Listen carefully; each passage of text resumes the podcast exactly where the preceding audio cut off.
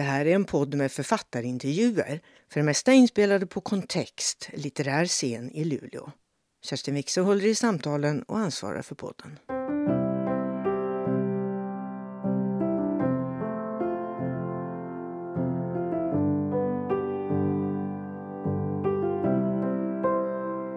Ja, men välkommen eh, Anna-Hita. Tack. Och så ser vi då om vi tittar ut i publiken att några har uppmärksammat det här med stickning, handarbete. Kanske lockade av ett av våra teman ikväll. Vi ska återkomma till det. Anna-Hita, när du är åtta år då befinner du dig plötsligt på en eh, flyktingförläggning i Jörn i Västerbottens inland.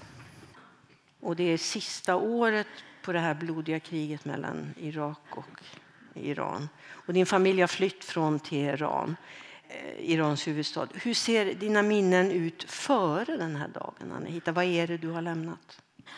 Jag har ju lämnat alla. Jag har lämnat um, hela min kontext. Jag har lämnat mitt språk, jag har lämnat mitt skriftspråk, jag har lämnat min skola, jag har lämnat mina mostrar. Och jag har lämnat även i början min pappa. Det var bara jag och min mamma som tog bussen till Turkiet och flydde kriget. Så det enda jag kommer ihåg, alltså jag har otroligt få fragmentariska minnen av tiden i Iran och jag tänker att kanske har det någonting att göra med att jag generellt har ett väldigt dåligt minne eller så har det att göra med att jag faktiskt på grund av trauma liksom har blockerat och gått vidare med mitt liv rent mentalt för att överleva. Men jag kommer ihåg små, små fragment. Jag kommer ihåg den dagen då jag skulle gå till skolan i Iran och jag totalt jag är jätteupprörd, för jag kan inte välja mellan om jag ska ha slöja eller mössa på mig. För när man passerar genom grinden in till skolan, då står en vakt och ska se till att man inte visar håret. Det gråtkalaset kommer jag ihåg och jag var sex år gammal. Jag kommer ihåg hur jag springer runt i min mormors hus. Hon hade liksom en, en, ett atrium i mitten av huset med vackra gröna växter. Och jag kommer ihåg hur jag springer runt, runt, runt och det hänger vita lakan och jag liksom springer igenom de här lakanen. Det kommer jag ihåg. Det är väldigt fragmentariskt, det är ingenting sammanhängande. Jag kommer inte ihåg någon känsla, utan bara du vet, små ögonblick, små blixtar. Och så kommer jag ihåg den märkliga bussfärden, också någon sekund där jag liksom pressar ansiktet mot rutan och ser alla släktingar gråta.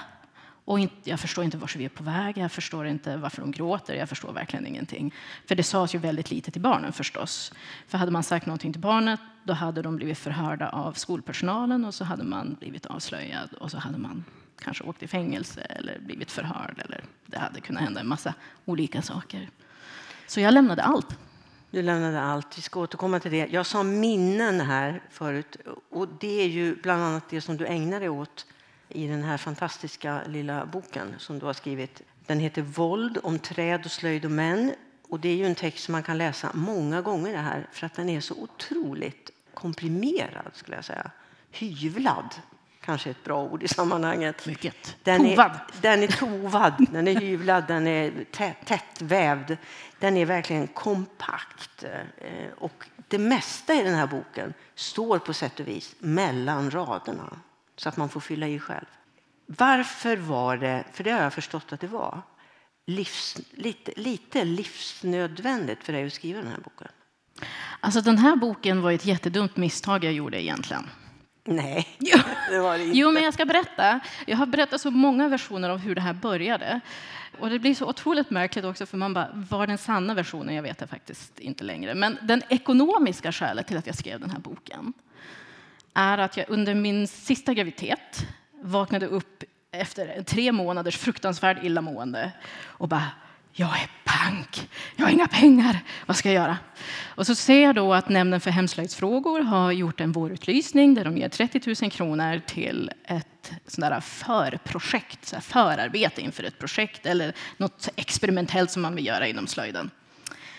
Då har jag under ett flertal år eh, som liksom har blivit avbrutna av diverse graviditeter som har varit fruktansvärda och så ett barn som inte sov och mina försök att fly kulturen genom att läsa diverse naturvetenskapliga kurser på Hermods. Alltså, oh my God, det var en grotesk tid. Men min panka situation gjorde att jag bara, okej, okay, Under den här tiden då jag har skrivit lite artiklar för VK under temat slöjdhistoria ska jag kanske ta de här artiklarna, sammanställa dem, ge dem en snajdig titel och sen så har jag tjänat 30 000 kronor. För jag har gett ut en bok. Och det måste ju vara liksom lite experimentellt inom slöjdvärlden. Och eh, dumt nog så fick jag de här pengarna och så fick jag ett barn.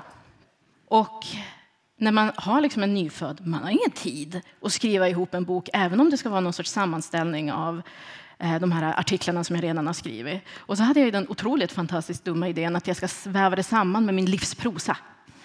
Åh herregud, alltså jag försjönk i det värsta, fruktansvärda, deprimerande arbetet där jag liksom försöker amma ett barn, stora svettringar under armarna, trycker i mig mat för jag är så hopplöst hungrig efter att ha varit graviditetsillamående och eh, liksom inte kunna äta på hur många månader som helst. Så jag är i någon sorts upplösningstillstånd och jag vet inte hur många mejl jag skickar till den här stackars handläggaren på Nämnden för hemslöjdsfrågor och så säger jag Tyvärr, den här kommer bli lite försenad. Eh, ja, och sen ett halvår senare, jag lovar, den är liksom på väg till tryckeriet. Och så till slut har jag lyckats skrapa ihop den här boken. Och eh, jag kan säga att det var inte mycket pengar kvar. Det var ju liksom korrekturläsaren som skulle betalas, det var tryckeriet som skulle betalas.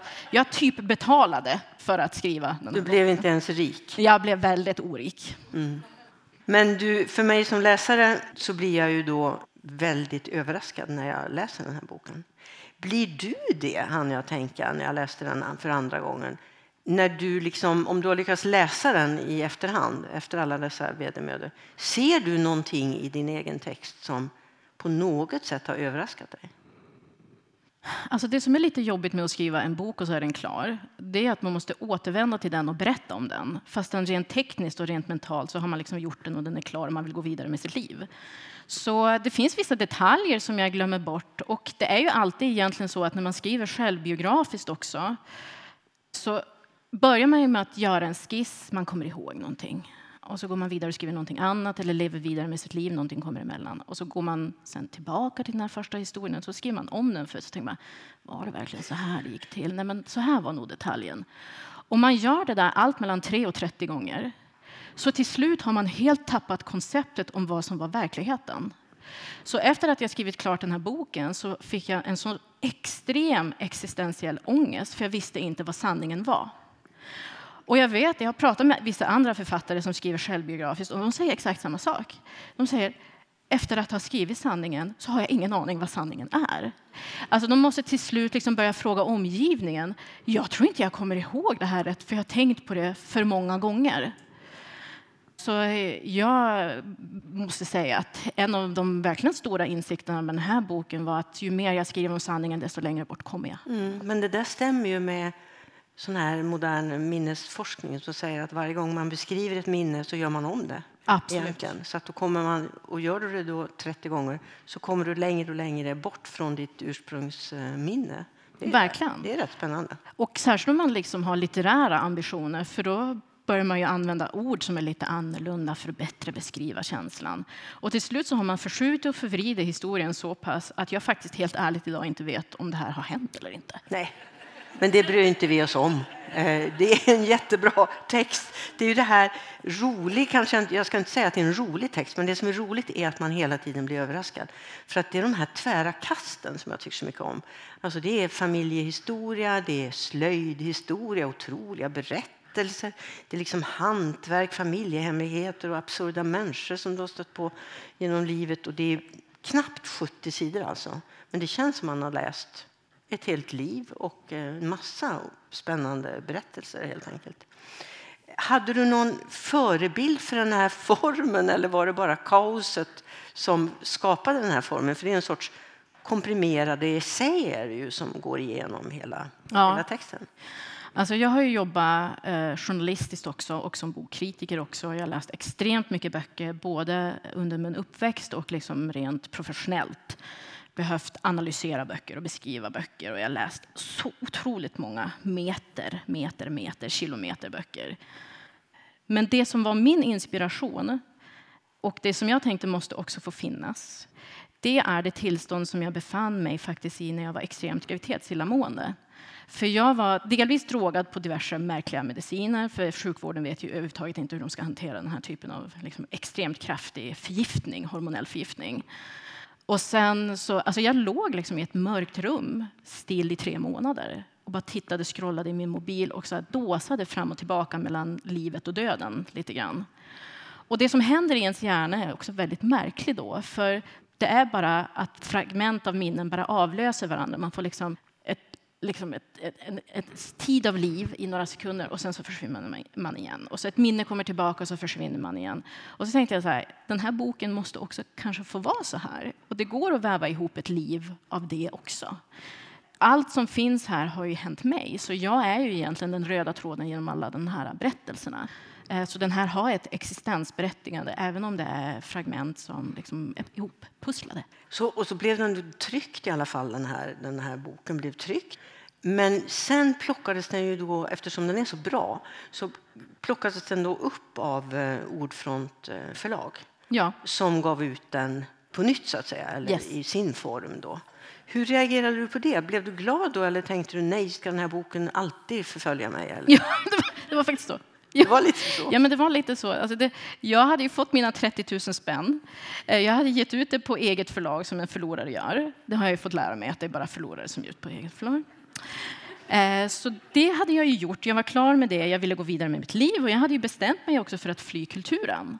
Jag hade varit kulturarbetare i över 15 år och förstått att det var liksom ett helt omöjligt liv. Jag kom ut som reklamradioproducent 2001, vilket var det värsta man kunde göra.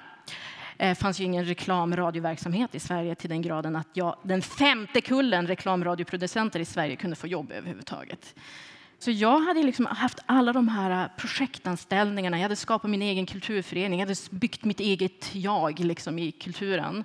Sommarvikariat i all oändlighet. Och, alltså jag förstod att ekonomiskt är det inte görligt. Anständighetsmässigt kan jag inte göra så här mot mig själv längre. Jag är bara någon annans problemlösare. Jag har ingen ekonomisk trygghet, ingen social trygghet, ingenting. Så jag hade ju påbörjat min flykt. Jag hade ju gått liksom de här Hermodskurserna och jag hade eh, börjat eh, två gånger att läsa basåret och blivit tvungen att avbryta på grund av graviditeterna. Och så, och så ringer Ordfront? Och så ringer Ordfront. Eh, och så tänker jag, jag vet inte riktigt vad det här betyder. Förväntar de sig någonting? Tack och lov så förväntade de sig väldigt lite. Så den blev utgiven och så fick den jättefina recensioner. Och jag tänkte, alltså det som har skadat en person som jag inom kulturen i Norrland är att i alla sammanhang som jag har existerat i så har de berättat för mig att jag är inkvoterad. På ett sätt eller annat så ska man alltid framföra med olika ordalag. Mångfald är ju bra på den här arbetsplatsen. Och du vet, jag kan inte tänka mig någonting annat. Jag kan inte föreställa mig en värld där jag har liksom ett eget existensberättigande. Utan jag är ju på plats för att uppfylla en policy och för att mm. vara någon sorts namn utåt att vi även har breddat vår verksamhet på det här viset. Så min inställning är ju så här, jaha, okej, okay, Ordfront behöver liksom en iransk Umebo i sin katalog. Och varför inte? De får väl göra som alla andra har gjort liksom under alla de här åren. Och har du blivit av med den föreställningen nu eller? Nej, vet du, det där kommer förfölja den den kommer att förfölja dig ja. hela ditt liv. Jo, jag tror det. Oj, oj, oj. Du, vi ska återvända till krigsflyktingen där. Åtta år, eh, Jörn, flyktingförläggning. Och nu eh, sitter du i ett klassrum och nu ska du få lära dig någonting om Sverige. Och då blir det näverslöjd. Ja. Är det alltså är det bra mot krigstrauman, tror du? Näverslöjd? Ja! Det är det? Ja. Man vill ju... Alltså, jag för ju argumentet i boken. Vi kunde ha fått lära oss hur man går till banken i Sverige eller liksom ta bussen eller något sånt där. Men gud så skönt att slippa detta och sätta sig och liksom riva loss lite näver och fläta lite grann och någonting fjongar iväg, något är jättesnett och ingenting fungerar. Men man sitter och har trevligt en liten stund och tänker på annat. Och på något vis så är det här ju verkligen peak Västerbotten också. Näverskola. Det är klart att du ska liksom från barndom veta hur näver känns och hur det luktar och hur man gjorde förr. Alltså, du skriver ju också det att det, det, blev ju inte bara ett fint minne med den här näverslöjden utan det blev ju också en sorts lite så ingång till norrländsk historia och sånt där. Och när du då blir vuxen och skriver de här kulturartiklarna då återvänder du ju till näverslöjden. Och då far du iväg till Kalix och du ägnar en eh, rätt lång text åt en viss Sune Bergman som föddes 1890 i Kalix in i en eh, mycket förmögen släkt. Och det är säkert många som vet, känner till Grytnäs herrgård i Kalix. Där bodde den släkten och även Sune Bergman. Men han var ju en väldigt... han var inte så karriärsinriktad på trä och skepp och sånt som hans övriga släkt. Utan han gillade näver. Berätta. Sune. Sune. Vilken stackare. Ja. Jag känner mig så mycket igen i honom. alltså, du vet, det är så konstigt vilka man relaterar till. Men den här bortglömda lilla bohemiska näverkonstnären i början på 1900-talet känner jag som samhörighet med. Han kommer liksom från en lång rad av otroligt stora män som har tjänat otroliga mängder pengar och byggt upp liksom bruk och samhällen. Och, och han själv har ju bara drömmen att få jobba med kultur. Han vill ju bara vara konstnär. Han vill ju bara sitta och lukta på blommorna under ett träd. Liksom, det är den stämningen. Och han är ju en sån otroligt fin och vänlig själ. Han, är, han stötte jag ju på när jag liksom grävde runt i universitetsbibliotekets eh, depåer i magasinen. Och för det enda jag sökte på var så här, näver i katalogen. Och så här, bara, vad är det där för någon konstig bok från för jättelänge sedan som ingen har lånat på så 30 år? Och så grävde jag fram den och bara, vad är det här för en galning? Vilken underbar liten typ. Så honom skriver jag om och hans lilla näveräventyr. Det gick ut på att helt enkelt ta sig från Stockholm upp till liksom Grytnäs herrgård, försöka bli konstnär kapitalt misslyckas och sen ge sig ner till Stockholm igen.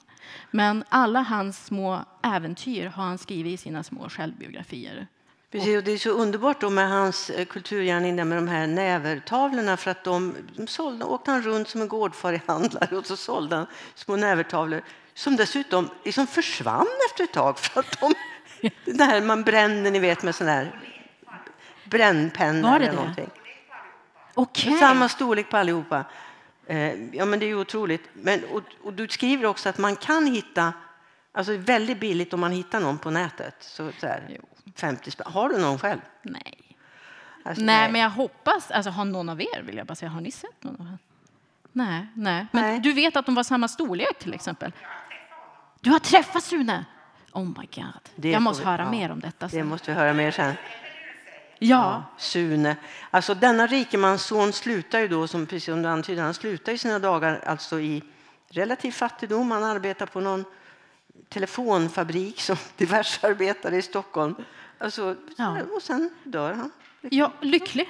Ja, Jag vill bara tillägga, Ja. lycklig. Ja. Alltså, det var ju liksom Ja. ett bra arbete och Fa- helt ja, okej. Fantastisk historia. Den historien har inte så mycket att göra med våld. Han är ju en väldigt eh, fridsam person, även om du skriver på något ställe att han var lite, vad är det du skriver? Rasbiologisk. skriver du? Jo, men den tidens konstnärliga motiv var ju lite speciella. Alltså ville man sälja så var det ju, alltså det var ju den tiden då liksom man skulle eh, måla upp lapparna på de här nävertavlorna och på senare plywoodskivor jobbade han ju också med, med eh, krita och kol. Eh, Så i efterhand är det ju ganska ofräscht. Det, men ja. det var ju hypermodernt på den Ja, på den tiden. Eh, Som sagt, här finns det inte så mycket våld i den här historien. Men våldet smyger sig in i väldigt många av de andra berättelserna. Och jag kan inte släppa den här lite undanskymda och bara några rader långa historien i, i boken. När du alltså, återvänder, alltså 20 år efter att du kom, så är det första gången du eh, kan återvända till Iran. Och då är det den här absurda historien med din eh, moster, tror jag det är som envisas med att du ska titta på en film på hennes mobil som hon håller framför ditt ansikte så här. Det är en sån fullständigt absurd historia. Vad är det som händer? Alltså det är en väldigt stor kulturchock att komma tillbaka till Iran som jag tror jag var 26 år gammal då vi återvände första gången. För då har jag ju levt ett helt liv i Norrland och eh, blivit indoktrinerad, så måste man säga.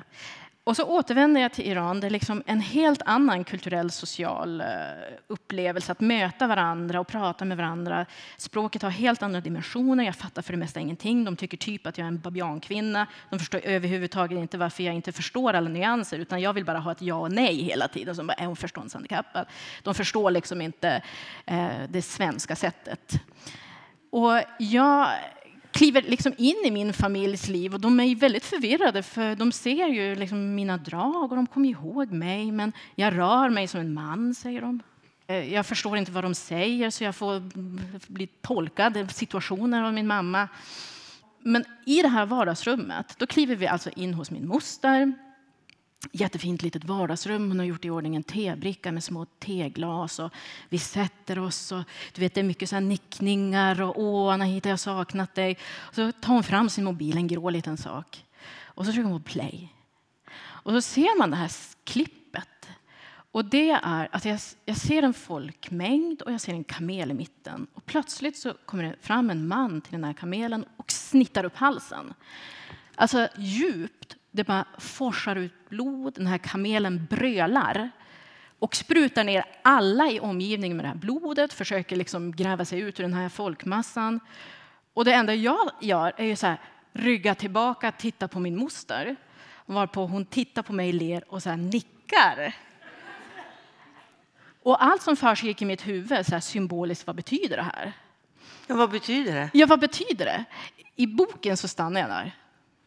Jag berättar inte vad jag tänkte. Nej, men vad betyder det? Jag men i den första upplagan då har jag skrivit vad som försiggick i mitt huvud. Aha. Det jag tänkte var, jag är kamelen. Ja, så tänkte jag också. Ja. Men varför ska hon skära halsen av dig? Jag förstår ingenting. Jag tror så här, i grund och botten så är det ett så otroligt stort svek att ha lämnat familjen. Mm. Du lämnade oss och din mamma lämnade oss.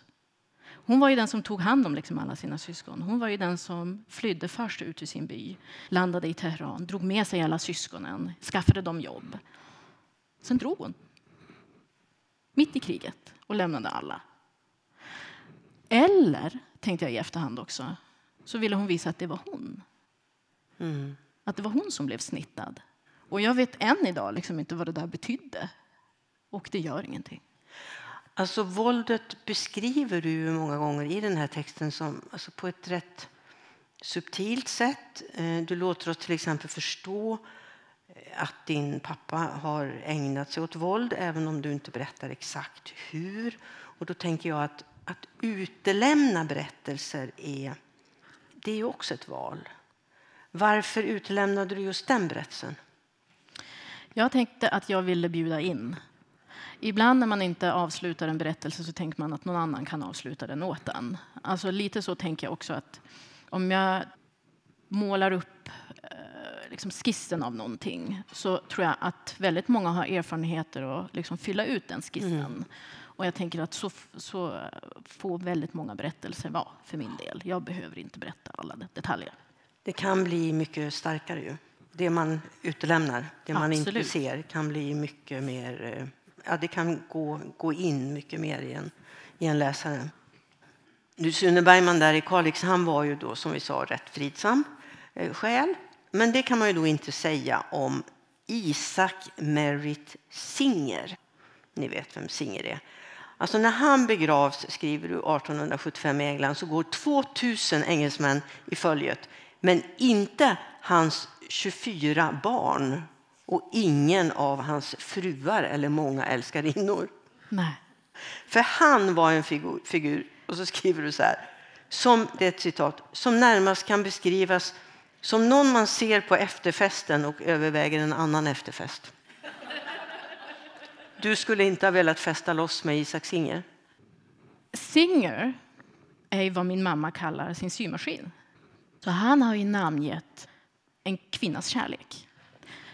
Och det här lilla Isaac Merritt Singer började jag skriva om för att jag skulle skriva den här serien om slöjd historia för VK. Jag tänkte ja, men jag måste skriva om symaskinen. Den är liksom så central i min mammas liv, den är så central i mitt liv. Jag har ärvt hennes Singer. Jag måste, jag måste ta itu med det här. Och det som är så oerhört märkligt är att det finns väldigt mycket om, om Isaac Merritt Singer. Men det liksom lite grann insinueras att han var lite knäpp. Och det finns också liksom apokryfiska saker där någon så har gått tillväga och försökt spåra liksom familjen via helt andra dokument än Wikipedia-sidan. De har gjort sin egen blogg. Och sen så lägger man ihop alla de här berättelserna. Och efter att ha liksom gjort research i några dagar så inser jag att han är Trump. Det här är Donald Trump. Det är liksom dåtidens Donald Trump som har gjort den här underbara lilla maskinen som min mamma älskar som jag älskar. Det var en sån märklig, bisarr upplevelse när man läser om hans liv, hur promiskuös han var, hur överflödig han var, hur mycket pengar han tjänade, hur extremt våldsam han var mot sin omgivning, vilken extrem narcissist. Söp, var, var liksom komplett galen. Eh, så då tänkte jag nu måste jag vara sanningsenlig och skriva det i den här artikeln och även i den här boken. Mm. För du säger att till och med såna här böcker som du letar upp, då, hans biografier och så som är liksom typ beställda av honom eller ska, där, man ska, där han ska skildras som en sån här väldigt spännande figur. Till och med där, de, kan, de klarar inte ens där i texterna att skriva att han är toppenkille. Utan det, blir liksom, det lyser igenom i alla fall. Du skriver att hans, han älskade teatern, han var narcissist. Och så skriver du att hans drömroll var eh, Rikard III av Shakespeare. Och det är en pjäs som beskriver en fruktansvärd eh, gestalt alltså, som redan i början av pjäsen ropar Jag har mig förutsatt att bli en skurk. det är också en förebild att ha, va? eller hur? Men du, han var tvungen att, eh, han var tvungen att lämna Amerika, för han, det här var ju USA. Mm. Varför det? Jo, han hade ju många exfruar och en av dem försökte han strypa ihjäl och även dottern som var där, råkade vara där bredvid. Och efter det så blev det liksom en liten skandal och han skulle ställas inför rätta. Och därför så flydde han till England och levde ett jäkla härligt liv där kan jag säga. Mm. Han byggde ju ett hus som var alltså, med Versailles som förlaga. Förstår ni? Ja. Vi har också, jag hade också en singer och jag kom i sommarstugan hade vi till och med en sån här trampsinger. Trampsinger? Trump! Du hör!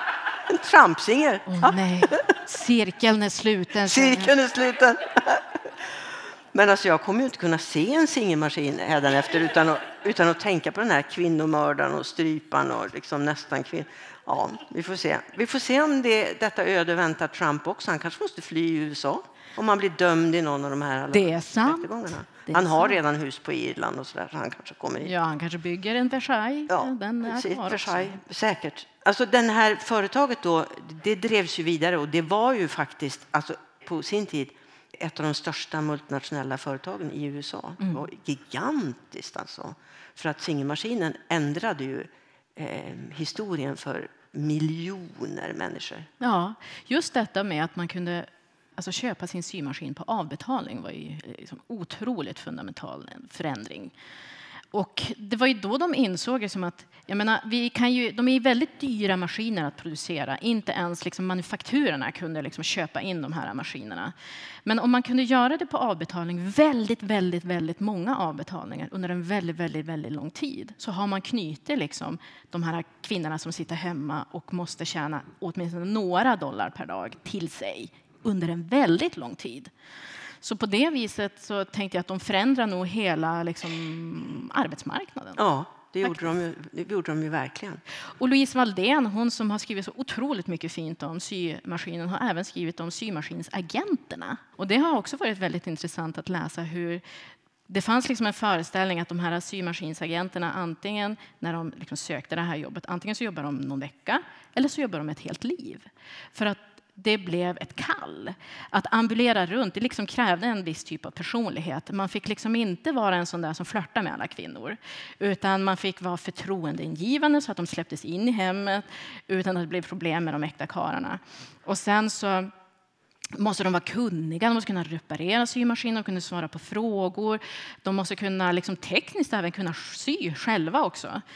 Och de måste liksom samla väldigt mycket information om sin bygd så att även nästa agent liksom skulle kunna ta vid och liksom fortsätta hela den här massiva men, insamlingen. Men tänk en sån struktur ändå som var så lokalt förankrad. Nu, nu håller vi på att vänja oss vid att allting är någon annanstans. Men det här var ju nästgårds, det var ju din kommun. Eller det var ju ditt, och du visste vem den här personen var. Och det är, In och ut. Ja, och det är ju en, det är en otrolig idé egentligen. Ja. Alltså han flydde då till, eh, till England och företaget eh, drevs vidare av hans kompanjon, en jurist som heter Clark. Du bodde också i England under Ja. ett x antal år. Hur kom det sig? Alltså jag blev rekryterad av en vän Eh, som jobbade för svenska Kanal 5 så, i London som vid den tiden ägdes av ett företag som heter SBS Broadcasting Networks.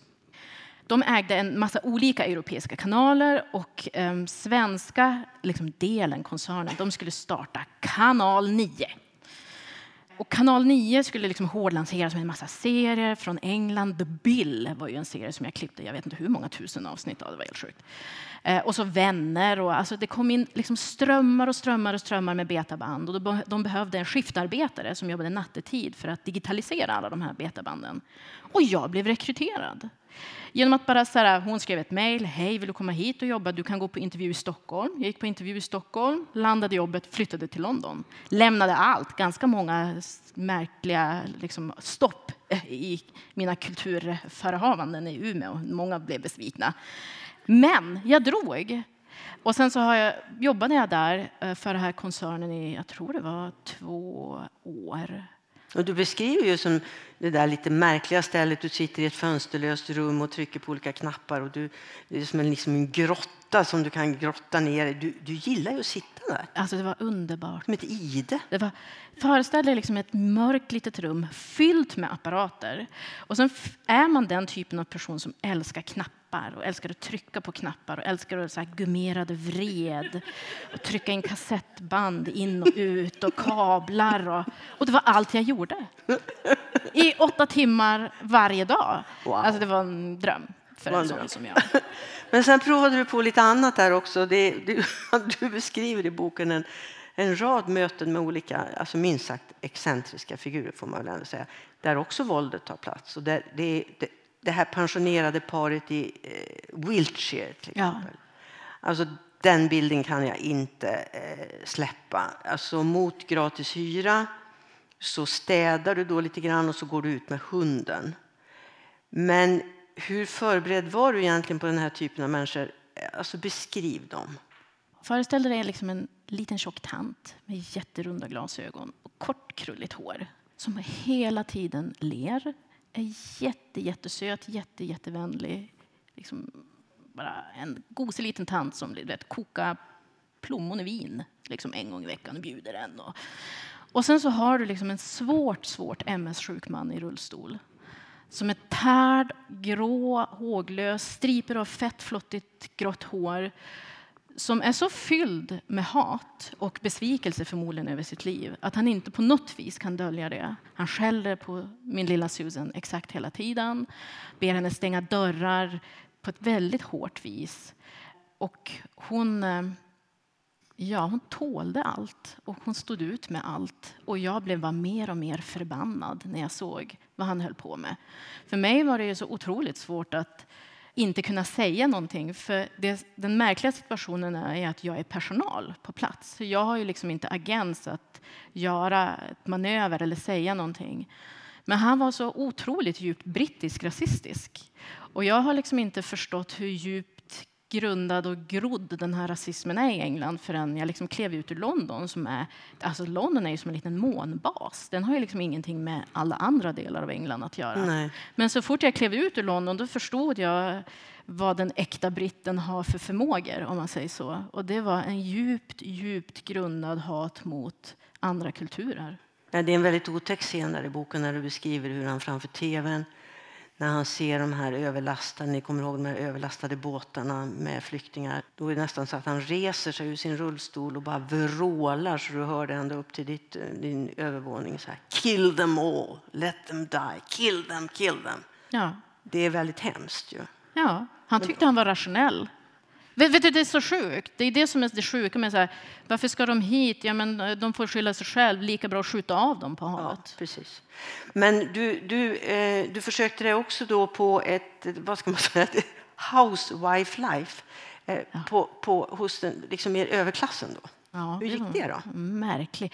Alltså den här människan som jag flyttade in hos. Och jag, bara, jag måste nästan berätta bakgrunden. I, I England så har man ett helt nedmonterat välfärdssystem. Det finns ju liksom inte hemtjänst och eh, kommunal liksom hjälp att få när man håller på att haverera hemma. Så då har ju det uppfunnits ett system som heter home sharing.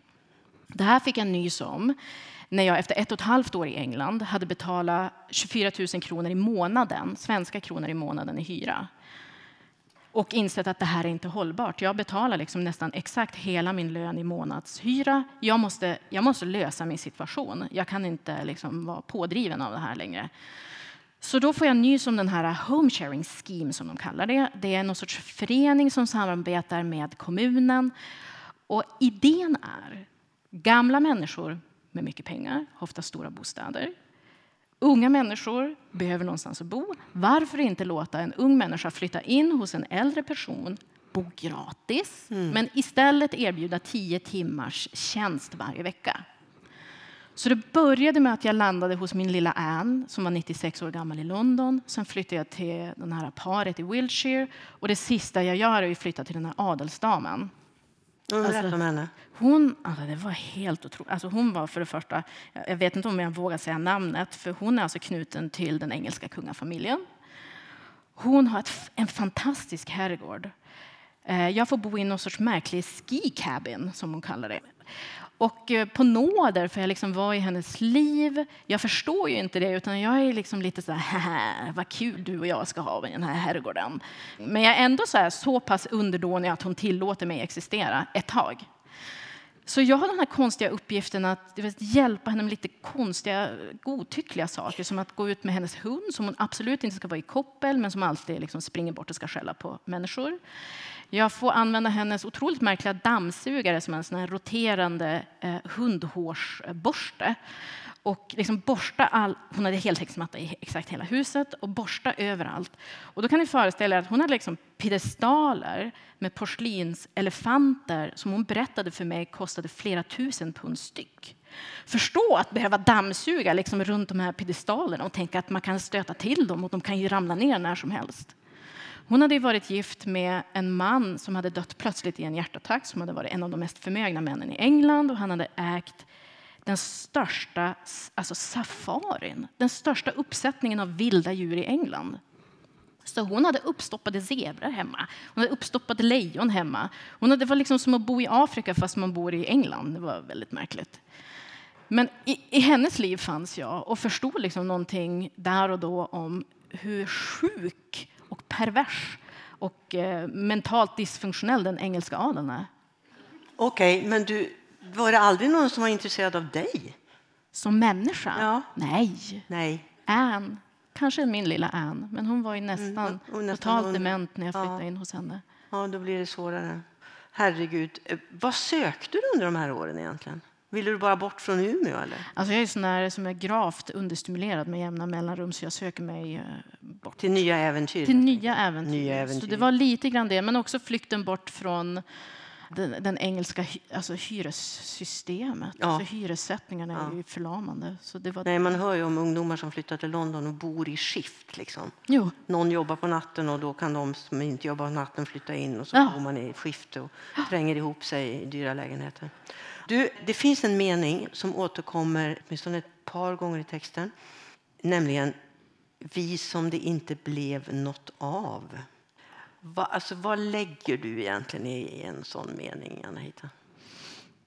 Alltså jag skrev ju den här boken när jag hade precis kommit till slutsatsen att hela min existens inom kulturen var ett pyramidspel. Att jag hade liksom blivit ditlurad, pålurad att kultur var kul. Och hade liksom blivit ja, lurade in i ett system där mitt namn var liksom längst ner på listan oavsett vad jag gjorde. Så känslan efter 15 år av detta var ju att nej, det blev ingenting av mig. Och jag har inte uppfyllt någonting och jag har inte uppfyllt varken mina drömmar eller liksom någon annans. Så det är den, den eh, känslan som jag behövde få på pränt. Mm. Du, när du sitter där i London bland alla de här betakassetterna så dyker det plötsligt upp ett klipp på en askill. Ja. Alltså en frukt som jag aldrig har hört talas om. Vad är det? För du blir så glad. Jag blir så glad och paff och förvånad. Det som händer är ju att jag sitter och klipper oändligt antal jättemärkliga program. Ett av dem är ett sånt vildmarksäventyr med en man som heter Ray Mears. Han var alltid klädd i en liksom ganska rödlätt, köttig sak eh, Eh, som var ganska stor. Han hade försökt komma in i militären, men han hade visat sig vara färgblind. tror jag. Det var någonting med det. Så han hade haft liksom stora planer på att bli en karakar, men det hade han inte fått bli en militär. Så nu har han liksom bestämt sig för att bli den bästa liksom vildmarksäventyraren som fanns i England. Och han gjorde en ganska gedigen och intressant serie för olika tv-bolag, bland annat BBC. Och ett av de här programmen så går han ut i den engelska skogen och bara nu ska jag leva på skogens frukter. Och det här programmet som jag håller på att klippa så mitt i natten, jag dåsar till lite då och då och sätter igång något annat. Och bara, du vet när man så här, ser men inte ser, det är liksom den stämningen. Så ser jag plötsligt, nej men gud, han håller på att äta på någonting jag känner igen jättemycket. Och det var en iransk frukt. Hur kan han hitta den i den engelska skogen? Det var en azgil. Det, alltså, det ser ut som en nyponros, fast den är jättemycket större och den blir liksom brun och hårig och så har den en liten stjärtskåra och den är ju en rosenväxt och den har en sån här femflikig stjärtskåra.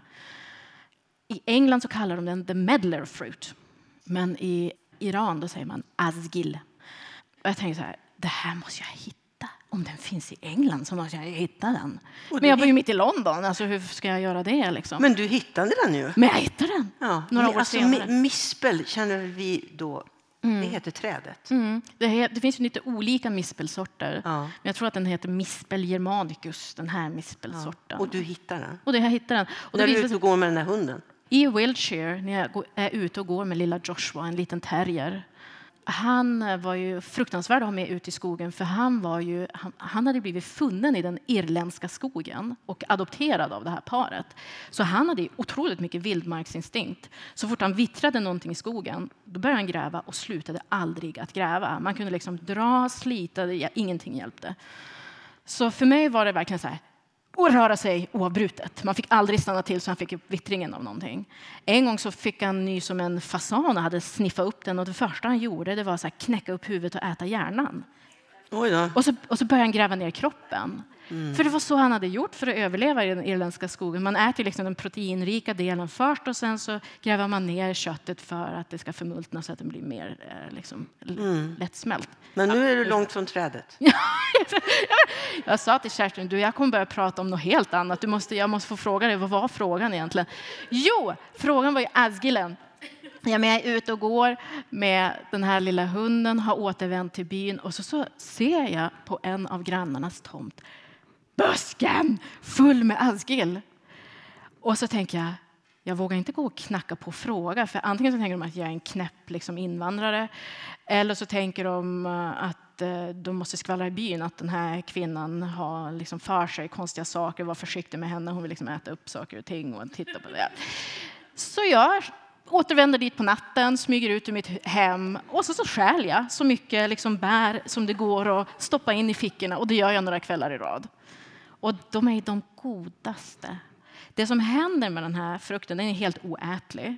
Så den måste ju plockas antingen mitt i vintern där den har blivit köldslagen och blivit helt mosig. Eller så måste man själv frysa in den och sen plocka ut den och äta den. Eller så måste man låta den stå och ruttna. Och precis som persimon måste man göra. Man måste liksom låta den rötas innan man kan äta upp den. Men det där var ett fantastiskt minne. Smyga ut mitt i natten i svarta kläder. För att titta Och palla frukt. Och palla frukt. Ja, det är kul. Det är kul. Men du, nu kommer vi bort från trädet för att här kommer våldet in också. Alltså mispel kallas då tålamodets träd, lär du oss. Eh, Eller skriver du. Och så låter du eh, det här trädet representera kan man säga, två teman i boken, nämligen våld och tid. För att så, då kommer den här berättelsen om ett vapen helt enkelt som det tar 20 år att tillverka. Mespelus germanica, det här trädet, det är en av de hårdaste trädslagen. Och det har ju liksom baskerna fattat för jättelänge sedan. Och det är liksom ett ganska centralt virke i deras traditionella tillverkning av något som heter makila. Makila är något som herdarna använde förr i tiden. Man tillverkade liksom en, som ser ut som nästan som ett spjut med en skaft. så det fungerar som en påk och så har den liksom en dold spets som man kan spetsa någonting med också ifall det är någon som ger sig på ens får till exempel ute på ängarna. Och den här makila-tillverkningen den sker genom att eh, de här baskiska gubbarna de liksom kliver omkring i skogen, hittar en sån här Messipelus germanica. Ah, okay, det här var en fin gren. Och så, så eh, ristar de lite skåror, gör lite ornament. Sen drar de därifrån, återvänder något år senare, några år senare. Och då har ju såren eh, härdats till, hartserna har flödat till. Det blir liksom ett, ett ärrat virke och alla vet ju att ärrade virken är lite extra starka sågar av de här grenarna, hivar in dem i ryggsäcken, tillbaka hem, skjutsar in dem i förrådet. Och så går det 20 år. Och så är det dags för snickaren. Och det här är, det, du vet, det är så intressant att se eh, ur det här perspektivet hur lång tid någonting får ta. Det här fick ju ta jättelång tid. Och man tänkte ju, och jag föreställer mig att det här är ungefär som när man i Sverige katade träd. Har du hört talas om att kata träd? Alltså man gick ut i skogen, hittade något bra träd, skar av barken, såg till att stammen blev härdad och hårdad och liksom halvdö. Och sen fanns det trävirke för husbygge för nästa generation. Du, håller de på fortfarande, baskerna, med det här? Och gör ja. de här? De ja. Gör det. ja, men det är ett kuriosum. Det är liksom ja. ingen vardaglig sak. Utan mm. Makilan tillverkas ju för att vara en representativ mm. gåva till mm. höga herrar och damer. Så. Ja, där far du omkring i England och samlar på dig excentriska människor. Men så plötsligt så hör din mamma av sig och säger att eh, nu ska hon skilja sig från din far. Ja. Och det är ju då en far eh, som du döljer ju inte ditt eh, hat egentligen kan man säga till din far. Men du stödjer, din, så du stödjer ju din mor i det här beslutet så du flyttar hem till eh, Holmsund eller hem till mamma. Jag flyttar hem till dem bägge. För det här var ju problemet. De bodde i ett hus tillsammans. Ganska långt in i skilsmässan också. Mm. Ja. Så jag flyttade in i det som är typ deras garderob. En walk-in closet-stämning var det. Så satte jag en madrass där och så bara det här huset som ingen vet vad man vaknar upp till. Liksom. Och så är det en ganska traumatisk tid, måste jag säga. Mest kanske för min pappa. För det är som att han plötsligt har vaknat till och insett att så här kunde hon göra.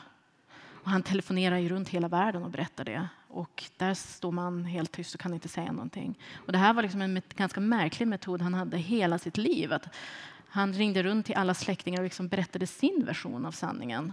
Och där tänker jag också ofta på hur otroligt märkligt det är att stå och titta på någon berätta vad man själv har varit med om fast med helt andra ord och ur ett helt annat perspektiv och delvis ihopfabulerat. Så ja, de skilde sig, tack och lov. Så din mammas liv förändrades ju, men det gjorde ju också eh, ditt, kan man väl säga. Återvände ja. du då till eh, frilansjournalistiken? Ja, delvis. Det gjorde jag. Och sen så fick jag ett jobb på Umeå kommun på en intraprenad, en kulturintraprenad som heter Kulturverket. Och jag kommer ihåg eh, när jag började där, jag var liksom, åh vad intressant med kulturprojekt riktade mot barn och unga, sjuka barn på sjukhusskola, personer med intellektuella funktionsnedsättningar som går dagverksamhet och så ska man skapa liksom, kulturverksamheter kring, kring det. Och så tänkte jag när jag gick på det första måndagsmötet, då tänkte jag, vad konstigt att alla sitter tysta, det är jag inte riktigt van vid från kulturvärlden. Och efter ett par månader så satt jag exakt lika tyst. Det här var en sån otroligt dysfunktionell arbetsplats och vi hade en väldigt, väldigt märklig chef.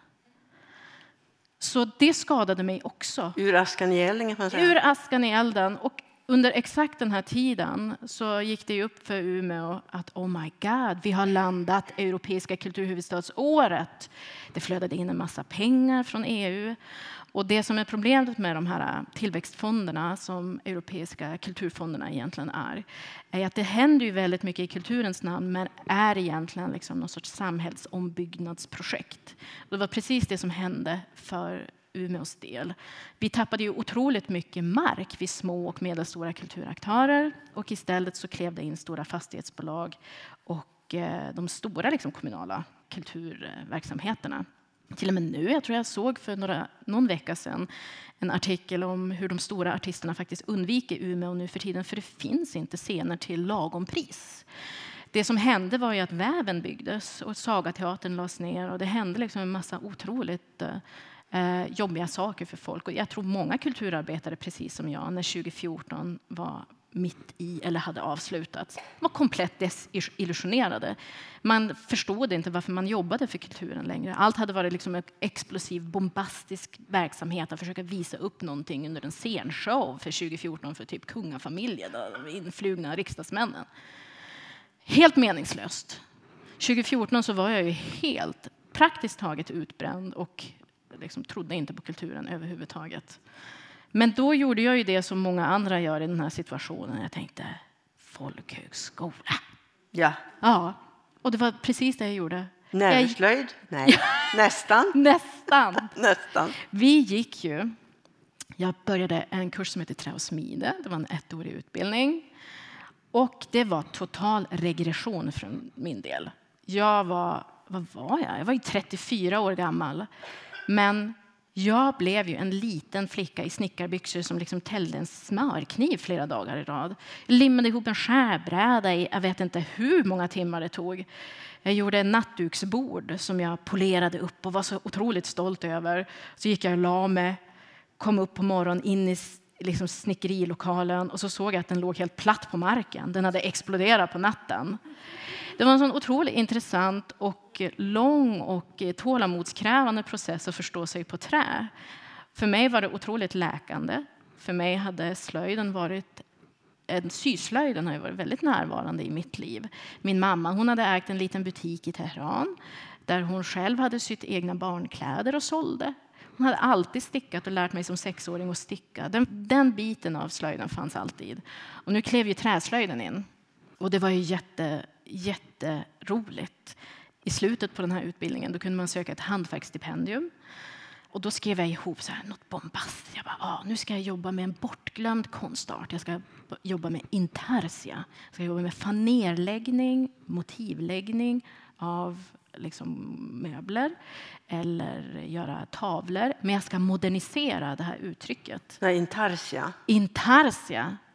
Så då tänkte jag, min syrra hon gör ju serieteckningar. Varför inte kombinera serietecknandets uttryck med fanerkonsten? Och så döpte jag den till någonting riktigt flådigt. Eh, jag döpte den till Iranska sorger i nordisk faner. Och fick stipendiet! Förstås! Hur kunde de motstå det här, eller hur? Så då förlängdes min vistelse på den här folkhögskolan med ett halvår och det var jättehärligt. Ja, men alltså jag tänker också, du säger ju läkande. Alltså, jag kommer ihåg att jag sneglade en gång i tiden på, på en just folkhögskoleutbildning och tänkte jag, nej men det vill jag gå. Där man skulle lära sig att eh, restaurera möbler. Mm. Alltså det är någonting med det här med händerna kontra skallen. Mm. Alltså om du har jobbat då med kultur och börjar få avsmak för det. Att liksom då få jobba med händerna att det finns en läkeprocess i det där. Att kommunikationen där mellan händer och eh, hjärna, mm. är det något speciellt med tänker jag? Alltså otroligt, ja. verkligen. Ja. Eh, särskilt om man kommer från extremt giftig kulturverksamhet som jag gjorde och en kultur som ses som väldigt instrumentell för tillväxten av staden. För mig var det väldigt viktigt att komma bort från det och det mm. var mm. kanske inte någonting som jag liksom kunde uttrycka då, men i efterhand så var det självklart det. Ja. Alltså, du hinner ju skriva i den här boken, du hinner skriva om Hampans historia, den hinner vi inte gå in på, jättespännande. Du skriver om, om, om, om skogs och fiskesamer och deras liv i Västerbotten. Det var ju en liksom väldig diskussion där om hur mycket fisk kan en människa äta på en dag. Chockerande. Chockerande mycket. Två och ett halvt kilo. Provade du att stoppa i dig två och ett halvt kilo fisk någon dag? Provade du själv? Jag tror inte det går. Jo. Alltså, jag, två, alltså nej. Tror inte det? Nej, kanske inte. Det är mycket. Man måste vänja sig vid det, Kerstin. Tror ja, ja och det är mycket. Det är mycket. Ja. Men du, nu kommer vi också fram till den här familjehemligheten. Alltså du skriver, det är en bärande berättelse i boken, en, om en myt som du har hört. En berättelse du har hört i 40 år om din mormor som var besatt av eh, renhet kan man kanske säga. Hur lät berättelsen kort? Hela mitt liv så förklarades min mormors beteende som var att liksom tvångstvätta allting. Sig själv, barnen, hemmet tills det bara blödde och knastrade om händerna för att det fanns bara sprickor kvar och typ kött och blod. Med att hon när hon var ung. Och det var liksom lite olika. Du vet, det är en sån berättelse där den ändrar variant varje gång den berättas. Så jag fick liksom aldrig någon riktig omfång. Så här, det, här, det här var egentligen vad som hände. Men ungefär gick det så här. Någon gång då hon var ung så var hon bortbjuden till en granne och hon blir ombedd att gå till en brunn, något sånt. När hon går till brunnen, ska ta vatten, så hoppar en skräm, ett skrämmande djur, ett slemmigt djur, fram mot henne. Hon blir jätterädd. Snubblar, snavar, hennes kläder går sönder. Hon är blodig, chockad, kommer tillbaka till familjen, gråter hysteriskt. Ingen förstår vad som har hänt. Och efter det tyckte hon att allting var smutsigt. Så det var förklaringen. Och du vet, man hör det där och så lyssnar man så här, ibland här knappt, för det här är åttionde gången man hör morsan berätta den här historien. Den upprepas om och om och om igen. Och sen så vaknar man ju någon gång vid något tillfälle som en kvinna som blir liksom medveten om våld och sin kropp och sin omgivning och samtiden och männens kapacitet att utföra våld. Då vaknar man och så bara, det måste finnas mer i den här berättelsen. Så då tänker jag här hemma då någon gång så här, vad var det som hände i den här brunnen? Var det, en, var det något groddjur eller var det liksom en människa? Så till slut så blir han lite frustrerad när morsan ska berätta för 850 gången den här berättelsen. Då säger jag, nej men nu, nu orkar jag inte höra det här mer. Nu måste, nu måste jag bara fråga dig morsan. Kan det vara så, för du har faktiskt berättat för mig att det fanns en kultur av sexuellt våld i den här byn. Du har antytt några sådana saker. Du har berättat för mig i något fragment att hon inte var ett barn, utan hon var 16. När jag försöker lägga ihop det här pusslet, tror inte du att hon faktiskt blev våldtagen i brunnen? Hon säger ingenting, utan bara gråter. Tårarna bara rinner ner för kinderna. Och så hör jag inte den berättelsen någonsin mer. Och jag ångrade extremt mycket. När hon började gråta, då tänkte jag, vad har jag gjort? Och jag vet liksom inte än idag om min spekulation är sanningen eller inte. Om det faktiskt var ett groddjur som liksom hoppade fram. Men efteråt så berättade hon, ja men det var ju faktiskt så att hon förlorade sitt barn då, för hon var ju gravid. Och ja, nu när du säger, eh, alltså, säger det här så tänker jag efter. Och så kommer det fram liksom mer och mer detaljer.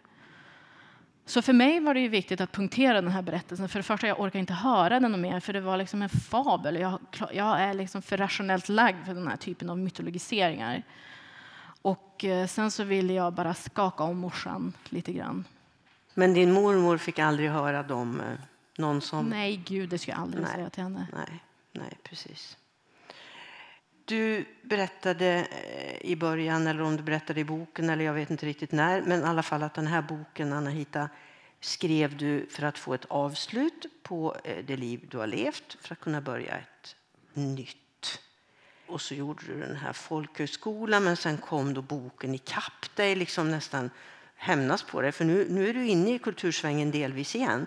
Men inte bara, för du gjorde också någonting helt annat. Jo, men alltså jag lyckades ju skrapa ihop mina biologi A och B, liksom, ett och två. Och sen så gick jag basåret på Umeå universitet. Och sen så kom jag in på läkarutbildningen och nu har jag gått en termin. Och det är fruktansvärt. Jag vill bara säga det. Alltså det är så, du vet, med en 43-årig hjärna och den här otroliga korvstoppningen av information.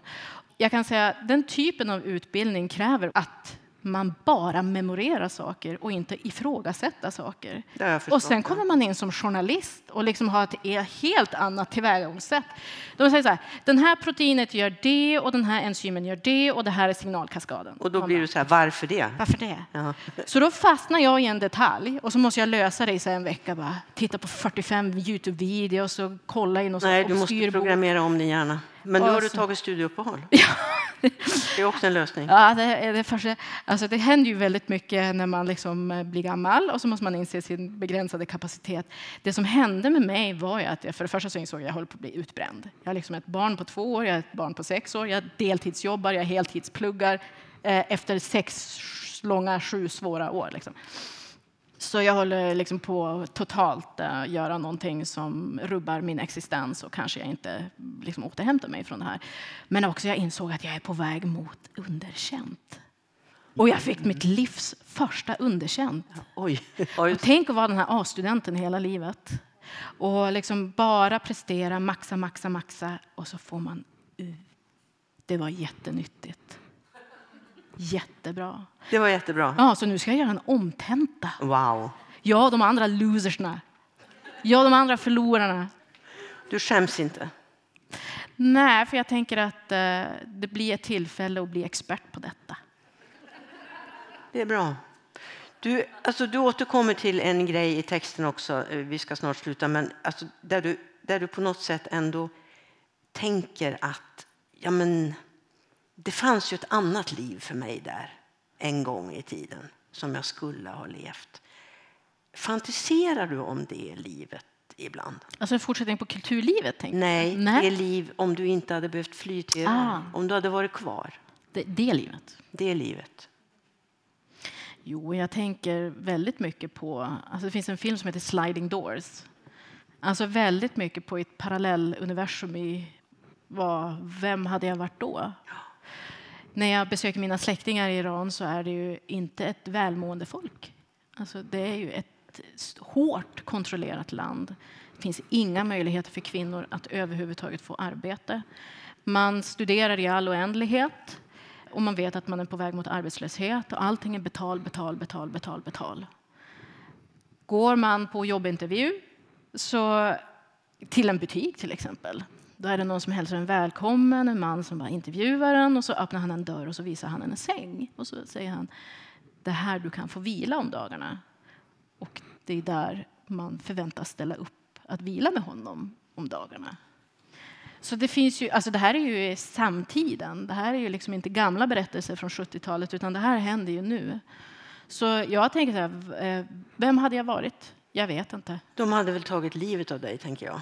Många är på psykofarmaka. Ja. Alltså det är inte många som har en mental hälsa som är omedicinerad.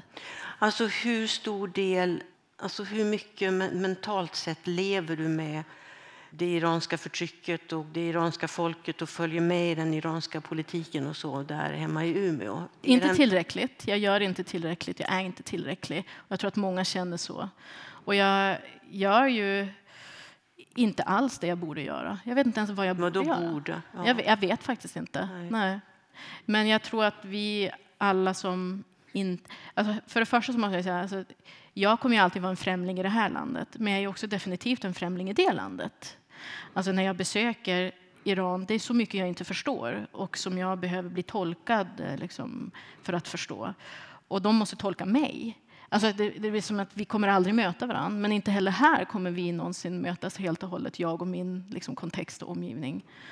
Så eh, man är liksom en evig främling, men också, då är man ju lösgjord också på det viset från alla band. Mm. Jag har min band och min lojalitet mot min familj. Jag har den mot mina vänner. Jag har den mot mina uppdrag. Jag har det liksom mot det jag skriver och det är sant. Och jag för ett samtal där allt jag säger är sant och jag, jag menar det. Men jag existerar i ett vakuum. Kommer du komma dit här, tror du, att du kan vara lite snäll mot dig själv för att du, du skriver det där igen om att vi som inte blev någonting, det blev ingenting av mig och så vidare. Kan du, närmar du dig den där punkten där du kan tillåta dig att vara lite snäll mot dig själv och säga ja. något blev det ändå mig. Ja, men jag tror inte jag är lagd åt det hållet. Ja, men du vet, jag tänker, det finns ju hela den här kulturen, var snäll mot dig själv. Alltså, affirmations heter det på engelska. Man ska stå framför spegeln och berätta för sig själv hur bra man är. Men jag tror inte det skapar karaktär. Inte tror jag att man blir en bättre människa av att inbilla sig att man är en bättre människa. Utan man visar ju det genom att göra saker som är till nytta för en själv och andra. Alltså vad är det här för någon sorts hypotetisk personlighet man bygger upp? Jag förstår inte det där. Utan man är det man gör och inte det man eh, liksom säger kanske. Man är inte sina ord utan man är sin handling. Så. Så kan man säga. Men ska du fortsätta skriva då? Får vi läsa något mer av dig eller ska du bara jo, men tyvärr har jag, sökt, jag har sökt ett till stipendium. Har du sökt ett stipendium? Oj! Måste. Måste för de där pengarna. Du är tillbaka till, på de 30 000 igen. Ja, det är 50 000 den här Nu är det gången. 50 000 den här gången. Är höjt. Ja, Ja, men det är, du vet, man kan inte låta bli. Nej, Jag är så jäkla se. skadad. Vad ska du skriva om nu då? Jag tror att jag ska skriva, och jag sa det i Babel, vilket var jättedumt, för nu är det ute i verkligheten. Men jag ska skriva om lim. Du ska skriva om lim.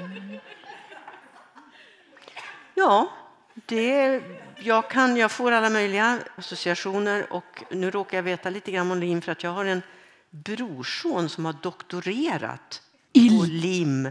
Jag ska koppla, du, du kan få hans namn. Han, och han älskar att prata om lim. Jag fick hans doktorsavhandling. Jag försökte läsa, ni vet den där försätts. Jag fattar ingenting. Han var i Japan och kollade på lim, kommer jag ihåg. Det här är min man, Han älskar lim. Han Honom ska du träffa. definitivt. Det blir bra. Nu vill vi höra er läsa slutet på din bok. Vilka minnen och värden representeras i det textila arvet? Vem väljer bort? Vad väljs ut? Vad minns vi? Och vad berättade vi? Berättade vi att det en gång fanns ett djur i en brunn och en knytnäve som lärde en att alltid le? Och att isen knakade, men jag hade inte något val. Och att storspoven kom, men jag förstod inte vad hon sa. Och en gång skrev någon på ett papper att jag fick stanna kvar. Och någon satte mig på en stol och tryckte näver i min hand. Och en gång stod jag på en gjutjärnsbro och grät tårar ner på öring och harr. Och en gång sådde jag rep och band nät knot. Bara vattnets namn blev kvar. Och där ligger mitt barn utstrött i en minneslund vad många vi ändå är, vi som det inte blev något av. Anahita Ghazinesam, tack för att du kom till Kontext. Tack.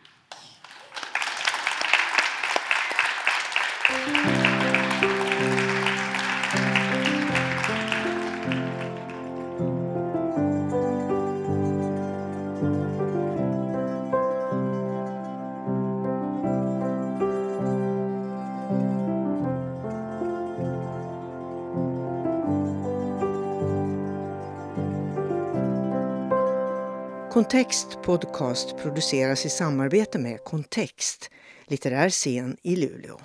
Författarscenen drivs med hjälp av Statens kulturråd och Luleå kommun.